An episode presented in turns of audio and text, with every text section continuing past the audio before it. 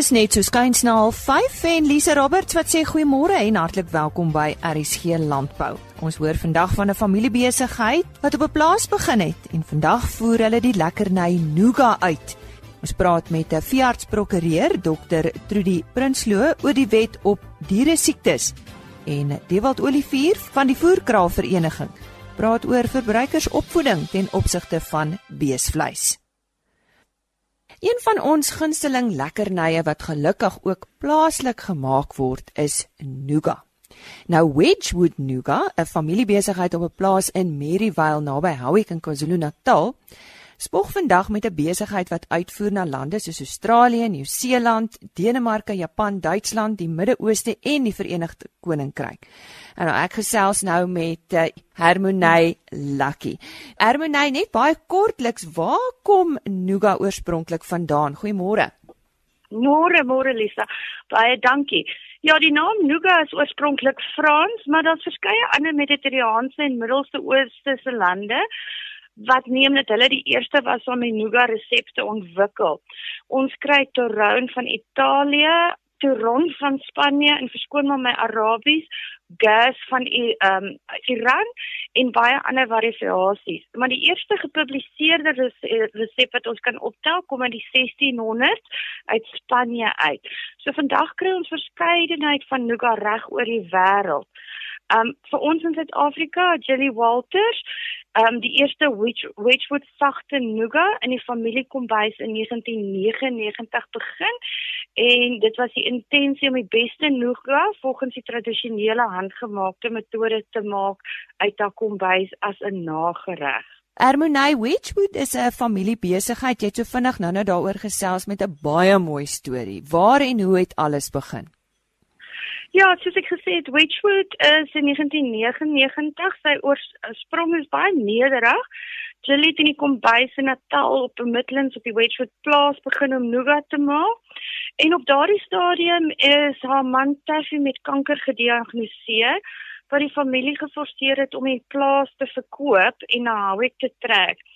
Julie het vir 'n jaar lank 'n handgemaakte nougat toegevat na die die die boeremarkte in die omgewing En voor sy ook kon uitvee, dit so populêr geraak dat sy net nie meer kon byhou nie.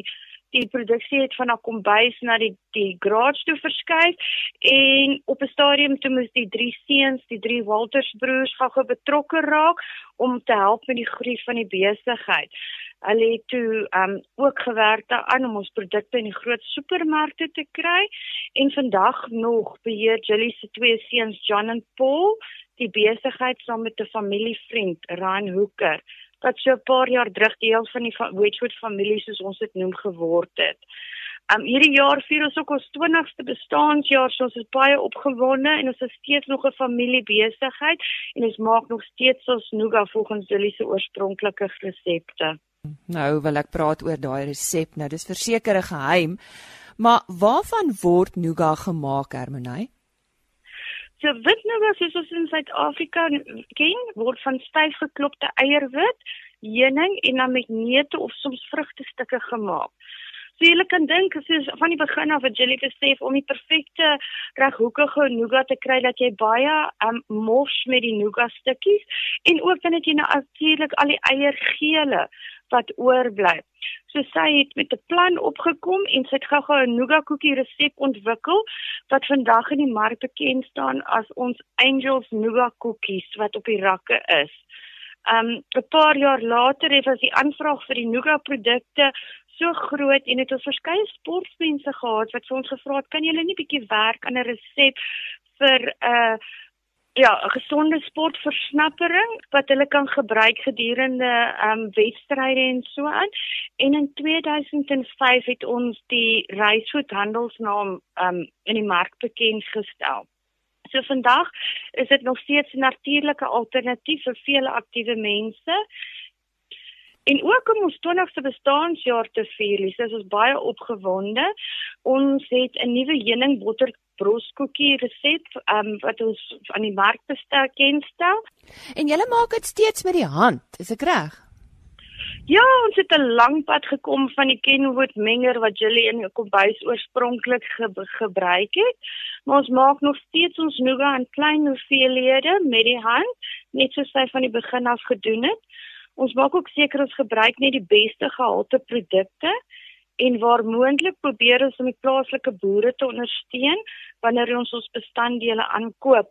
Veral as dit kom by die volboubaarheid van die plaaslike heuningboere en die bewaring van bye en heuningkorwe. So jy kan dink heuning is 'n is 'n baie groot bestanddeel van ons nougat en dit is vir ons baie belangrik in ons harte dat ons heuningbedryf bewaar word. Ons breek so tussen 70 en uh, en 100 000 eiers 'n maand om die varsheid en kwaliteit van ons nougat te verseker en het ook onlangs begin om handgeselekteerde makadamia neute op ons plaas oop te kraak en ons kry ons makadamia neute um, van ons uh, lokale boere af. Dit is baie fascinerend om hierdie span te sien en hoe die hele makadamia neute uh, en ons hele fabriek werk ons probeer so ver moontlik ons boere ondersteun in ons land. Julle personeel speel almal 'n waardevolle rol in die besigheid. Wat is julle benadering? Ja. Ons vir mense is 'n maatskappy se grootste bate en ons is baie geseënd om 'n ongelooflike groep passievolle mense te hê wat hard werk om na ons produkte en ons handelsname om te sien. Omdat ons op 'n uh, plaas is daar in Merivale in KwaZulu-Natal, is dit nogal 'n probleem om die staf by die werk te kry. En ons het um, begin met busse vervoer te reël en ons ry so 70 van ons stafmense te aan werk toe. En ons het ook ander verskeie programme soos basiese gesondheidsprogramme wat ongelooflik waardevol is veral in die area met hulle hoë HIV syfers. Dan ook elke lid van ons Wedgwood familie word aangemoedig deur Paul, John en Ryan om deel te wees van die maatskappy se groei en kontribusie. Dit gaan nie net oor die die winslyn nie, dit gaan oor wat ons kan doen vir ons gemeenskap en wat ons kan doen vir ons omgewing. Almal van ons word genooi of soms kan ons sê uitgedaag om idees te deel en dit hang af van nuwe resepte tot wat ons rondom ons kan doen om ons omgewing en ons gemeenskap te bewaar en te bevorder en 'n waardevolle rol te speel. Julle betrokkeheid by julle gemeenskap, jy het nou-nou so vinnig daaroor gesels, net so 'n bietjie meer daaroor. Ja, dis korrek. Ons die gemeenskap is vir ons baie belangrik. Um net 'n paar van die pro projekte wat ek kan oor praat. Ons het onlangs die kwartaallikse Wedgwood teepartytjie program begin waar ons elke kwartaal 'n teepartytjie vir 'n minder vervarende oute huis in die omgewing hou. Ons week en alle ou mense en alle mense verdien 'n lekker koppie tee en 'n smilappie om die lewe op te kikker. Ons het ook 'n finansiële onderneming om nuwe voorheen benadeelde besighede eienaars te help om te ontwikkel en wat dan 'n nou waardevolle dienste aan ons lewer en aan die gemeenskap lewer. En dan is daar ook so die 80 plus mense wat ons in diens neem by Wedgwood Makery en wat ons groot verantwoordelikheid sien en ook hulle families en hoe ons in hulle lewe betrokke raak. Ermonay, dan is julle ook baie bewus van omgewingsbewaring. Noem vir ons 'n paar voorbeelde. Terwyl ons altyd probeer om donasies te maak vir goeie bewaringsprojekte soos Wildlife Act en Wene Natuurreservaat en die Wildlands Trust, is so seker heidelik die mees opgewonde oor ons poging om die eerste plastiese neutrale maatskappy te word um plastiek neutrale inisiatief wat deur Wildlands Conservation Trust behartig word en dit poog om maatskappye verantwoordelik te maak vir die hoeveelheid plastiek wat hulle in die mark sit. So in kort betaal ons so R3 vir elke kilogram plastiek wat ons in ons maatskappy inbring oor aan die projek wat dan die fondse gebruik word om nie verwinbare plastiek te verwerk en te verander in die groen baksteen of die green brick ons hoop hierdie inisiatief sal deur ander maatskappye ook aangeneem word en ondersteun word en die program sal ontwikkel in 'n landwyse program wat Waste Innovation Centers kan begin. Ehm um, in ons land en ons wêreld het dit regtig nodig. Ek dink julle sal almal saam sien. En ehm um, En dit sou ook gevolg hê dat mense waarde op plastiek plaas en finansiëel sin maak om plastiek te kollekteer en na die sentrums te neem om te herwin word. Ons wil sien dat plastiek rommel iets van die verlede word en dat die groen bak teen iets, iets van ons toekoms sal wees. Dit was dan Harmonie Lucky wat vir ons die storie van uh, Wedgwood Nougat vertel het. Dis nou tyd vir ons weeklikse vleispryse en niemand anders as Chris Derksen staan gereed met uh, ons verslag. Dit is pryse wat behaal is by veilinge in die Noord-Vrystaat en uh, natuurlik die datum van hierdie veilinge is altyd op 'n Dinsdag en hierdie keer was dit 23 Julie. Chris, goeiemôre. Daar's 'n paar goed wat ons moet onthou. Die een is hierdie verskriklike koue wat ons nou het in die Vrystaat is die rede dat daar so min siektes is want al die koue gee ons 'n kans om te leef. Tweedens vanjaar lyk vir my maar baie soos wat die Plaat broers in Kudusrand in die ou dae vir my gesê het. Dat eendag vir my gesê jong, as jy beeste koop, dan moet dit wees tussen Januarie en Mei en as jy verkoop, moet dit wees tussen Augustus en Desember. En dit lyk vir my ons is op daai tendens besig en pryse het baie mooi gestyg. Ek gee vir julle die presiese pryse. Speenkalvers onder 200 kg was R30.25 per kilogram lewende gewig per kilogram. Dan van 200 tot 250 kg R27.55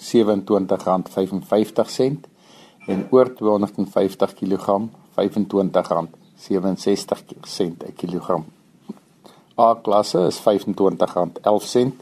wat 'n baie mooi stygings is van die vorige 24s wat ons gekry het en dit werk pragtig deur op die ander pryse.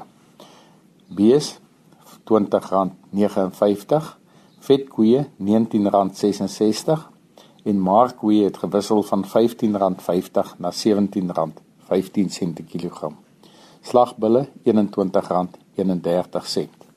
En vanaf die skaapmark stoorlammers R35.05 per kilogram lewende gewig.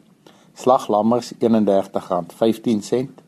stoorskape R25.11 en vetskape R25.55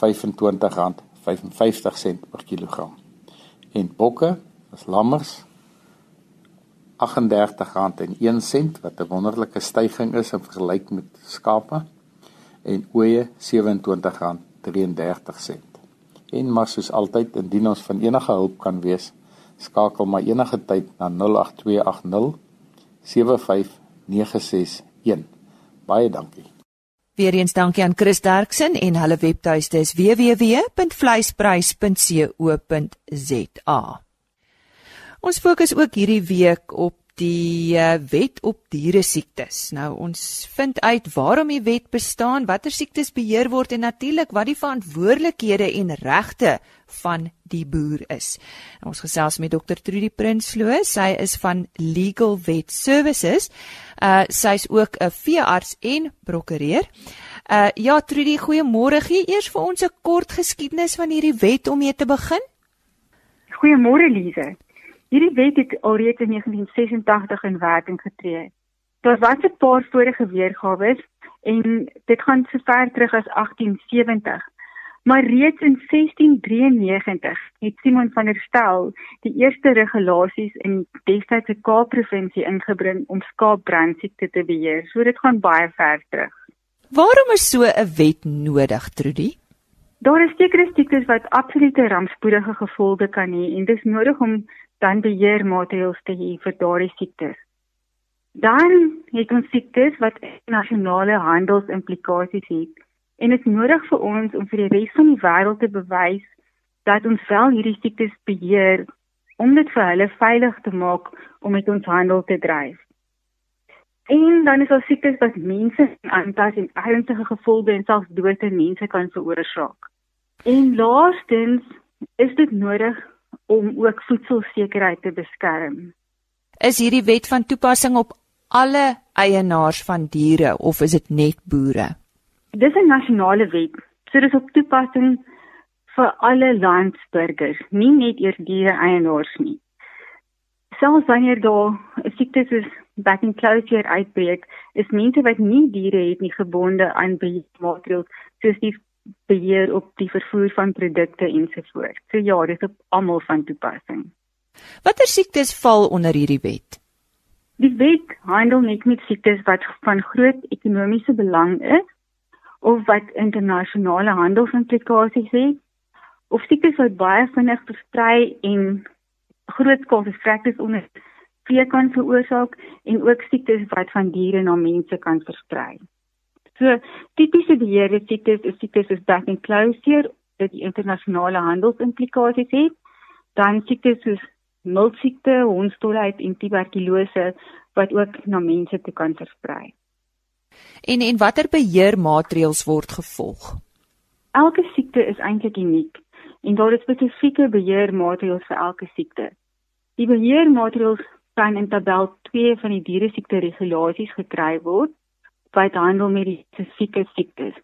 Maar in die algemeen as ons praat van beheermaatreëls dan verwys ons na maatreëls soos verpligte inenting, bewegingsbeheermaatreëls, isolasie van besmette diere en ontsmetting van areas waar daar besmette diere of produkte was. En eh, watter rol speel die staat nou hier? Die nasionale direkteur van dieregesondheid verantwoordelik vir die toepassing van hierdie wet en dit is ook die persoon wat dan die magtiging gee aan alle staatsveerders en beamptes. Die nasionale direkteur van dieregesondheid val onder die departement van landbou, bosbou en vissery.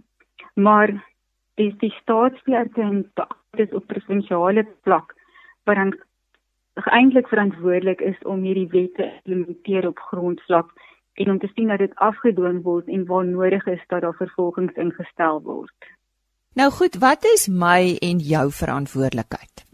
As troeteldier eienaars is dit natuurlik ons verantwoordelikheid om te sien dat ons ons diere in en teen hondsdolheid. En soos ek reeds gesê het, dis 'n wet wat van toepassing is op alle landsburgers. So as mense soos ek en jy wat nie boere is nie, bewus is daarvan dat daar 'n uitbreek is vir een van die beheerde siektes en ons weet dat dit nie reeds aangemeld is nie, is dit ook ons plig om dit aan te meld. En wanneer daar 'n uitbreek is van 'n beheerde siekte soos back and claw, moet ons ook natuurlik vir sover dit van toepassing op ons is, die maatreëls nakom. En uh, die boer se verantwoordelikheid? Artikel 11 van die wet is eintlik baie belangrik vir boere. Want dit handel oor wat 'n vee eienaar moet doen. En dit sê dat 'n eienaar van diere alles in sy vermoë moet doen om te voorkom dat sy diere met siektes besmet word en indien die diere wel 'n siekte of parasiet het, moet hy alles doen om te voorkom dat hierdie siekte verder versprei. Dit bepaal ook dat die boer dan die siekte moet aanmeld aan die relevante staatsdiens en ook sy bure moet inlig van die siekte.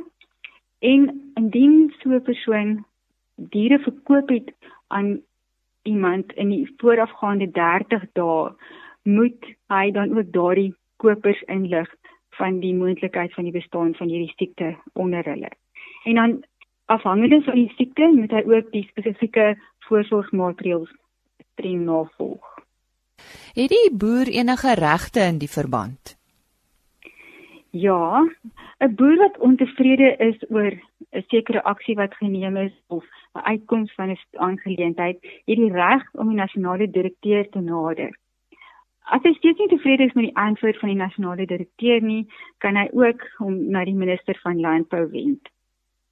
Dan in geval waar daar byvoorbeeld 'n beheerde siekte is wat vereis het dat van sy diere van kant gemaak moet word, kan so 'n boer vergoeding vra van die nasionale direkteur en dit mag dan moontlik goed gekeer word. Dit is nie gewaarborg nie, maar hy kan dit doen. En in sekere gevalle kan 'n boer ook die veeartsenydienste nader vir advies en hulp in sekere situasies en dan natuurlik ook eh, kan hulle uh, aansoek doen vir permitte en sertifikate. Wat gebeur as 'n eienaar nie voldoen aan wat die wet stipuleer nie? Daar's seker 'n 'n aantal gevolge. Ja, beslis. Gewoonlik sal die staatsveerkenbeamptes eerste persoon waarsku en hulle inlig wat hulle pligte is in terme van die wet. Indien so 'n persoon dan nie daaraan voldoen nie, kan 'n bevelskrif uitgereik word.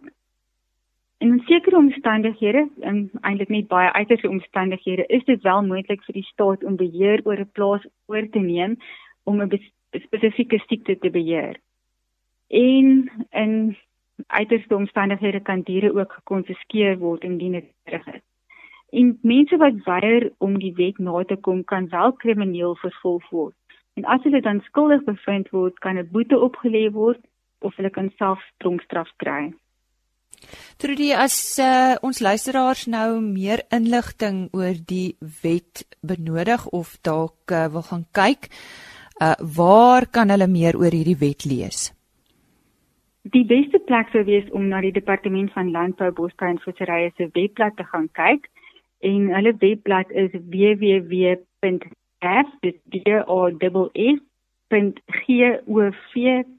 www.f.gov.za. En ook verdere inligting wanneer daar uitbreke is, is baie keer op die nasionale dieregesondheidsforum se webwerf beskikbaar. Dit is die National Animal Health Forum en hulle webwerf is www.nahf.co.za. Ons herhaal net daai twee webtuiste, dit is www.daff.gov.za. Dit is die Departement Landbou en uh, natuurlik die Nasionale Dieregesondheidsforum is www.nahf.co.za www.rsg.co.za en ons het daar gesels met Dr Trudy Prinsloo. Sy is van Legal Vet Services en ja, bly ingeskakel by RSG Landbou eh, gereeld op 'n oggend want uh, ons praat binnekort met haar oor back en closure. Ons uh, gesels nou met Dewald Olivier. Hy is die uitvoerende beampte van die uh, voerkraalvereniging van Suid-Afrika, Suid-Afrikaanse voerkraalvereniging. En uh ons gesels 'n bietjie met hom oor die vereniging self. Die funksie van die voerkraalvereniging. Wat wat is hierdie funksies presies, Dewald? Ja, dag sê jy en nie dag sê luisteraars. Man, en die, hierdie funksie sluit onder andere in dat ons as voerkraalvereniging moet kyk na verbruikersopvoeding. Ehm um, die verbruikersopvoeding wat ons na kyk is spesifiek gefokus op rooi vleis. Nou daar's 'n klomp funksies binne in die rooi vleis industrie forum en onder andere soos ek sê is verbruikersopvoeding van beesvleis een van ons in uh vir dieselfde in die spieelbeeld daarvan kyk die RPO uh na die verbruikersopvoeding ten opsigte van skaapvleis. En, en wie betaal hiervoor? Uh hierdie funksies word befonds vanuit is vanuit die rooi vleis statutêre heffing. So die rolspelers wat deel is van die forum en op die einde van die dag kan dit afgewentel word na elke pro primêre produsent, elke voerkraal en op die einde van die dag die abattoir lewer 'n sent bydra op die statutêre heffing en dit word daaruit befonds. En en verbruikersopvoeding in die geval wat behels dit? Verbruikersopvoeding gaan spesifiek daaroor dat ons inligting raak in die rooi vleisbedryf en natuurlik die produk self ook aan die verbruiker oordra. Nou Safa, soos ek genoem het, het hierdie funksie ten opsigte van beesvleis en die inligting spesifiek waarna ons kyk is die voedingswaarde in rooi vleis en beesvleis en eh, tot onlangs het ons baie gefokus op resepte en dis meer om om die verbruikers in te lig wat hulle alles met rooi vleis kan doen. Maar dit gaan verder as dit. Dit gaan natuurlik ook oor die totale waardeketting waarin rooi vleis en beesvleis ehm um, gehanteer word en natuurlik ook hantering van die diere en ook die algemene inligting van die waardeketting hoe dit binne in die uh die hele proses hanteer word. Uh, so daar seker 'n transformasie projek wat wat ook hiervan uh, deel uitmaak. Korrek ja. Nee, kyk die ehm um, landbou bemarkingsraad vereis dat ons 'n transformasieprojek ook moet hê en ons transformasieprojek gaan spesifiek daaroor om ontleikende boere op te hef en hulle inligting deur te gee en opvoeding te gee natuurlik om ook hulle diere in te ent en sodoende prosesse daar te stel om hulle diere ook deel te kry van die waardeketting en natuurlik hulle op te hef tot op die einde dat uh, dat ons 'n meer suksesvolle rooi vleis waardeketting het. Uh Dewald, kom ons praat 'n bietjie oor navorsing wat natuurlik baie belangrik in landbou is. Uh julle vereniging, wat doen julle om navorsing te bevorder? Yes. En ons is deel van die Red Meat uh Research and Development uh maatskappy as ek so kan noem en um, ons het onlangs gekyk na navorsing spesifiek en gesê dat Uh die RMRD SA soos hulle bekend staan het sewe nuwe programme geïdentifiseer waarvan ons as die voerkrale ook 'n spesifieke een ontvang het om dat te kyk. En ons kyk na markte spesifiek plaaslik en internasionaal. En kyk hoe kan ons hierdie markte uitbrei en wat ons moet doen om internasionaal mee te ding. So ons het onlangs ook 'n uh, 'n blad uitgestuur en 'n e-pos uitgestuur na 'n klomp mense toe om hulle insette te kry rondom dit en spesifieke navorsing identifiseer met betrekking tot die oopmaak van potensiële markte natuurlik en om te kyk hoe kan ons plaaslik ons uh, rooi vleis beter maak vir die verbruikers. En, en hoe sien julle die toekoms van die Suid-Afrikaanse rooi vleisbedryf? Die beweging wat ons nou inslaan met betrekking tot hoe ons navorsing benader, hoe ons transformasie benader en natuurlik ook hoe ons die statutêre heffing benader op hierdie stadium is vir ons uh, van ons skatbare waarde en ons sien en ons is gelukkig met die rigting waarna dit beweeg. Ons is van mening dat uh, ons moet fokus op uitvoering. Oor uitvoer op hierdie stadium is die groot dryfveer en dit is die enigste ding wat ek persoonlik dink ons uh, verbruik plaaslik ook gaan stimuleer. So ons is baie opgewonde en um, die uniforme fokus wat daar bestaan binne in die rooi vleisindustrie uh, tussen die rolspelers, die staat natuurlik, ons en die RPO en die abattoir vereniging en al die ander rolspelers is van kardinale belang en dit gaan baie goed op hierdie stadium. Nou ja, ons sê baie dankie aan uh, Dewald Olivier van die Suid-Afrikaanse Voerkraal Vereniging wat 'n uh, bietjie gesels het oor die aktiwiteite van die vereniging. Dankie Henny en fluit fluit ons storie is uit vir hierdie week. Onthou môreoggend kom RSG Landbou vanaf Elsenburg om kwart voor 5 en ons kuier weer om 05:30 maandagooggend saam met u vir nog 'n aflewering van RSG Landbou en onthou ons het altyd baie landbou nuus. So moet die program nie misloop nie. Ons weet dis lekker vroeg in die oggend Maar nou ja, daar's niks so lekker in die winter as om te lê in jou lekker warm bed en die radio aan te skakel.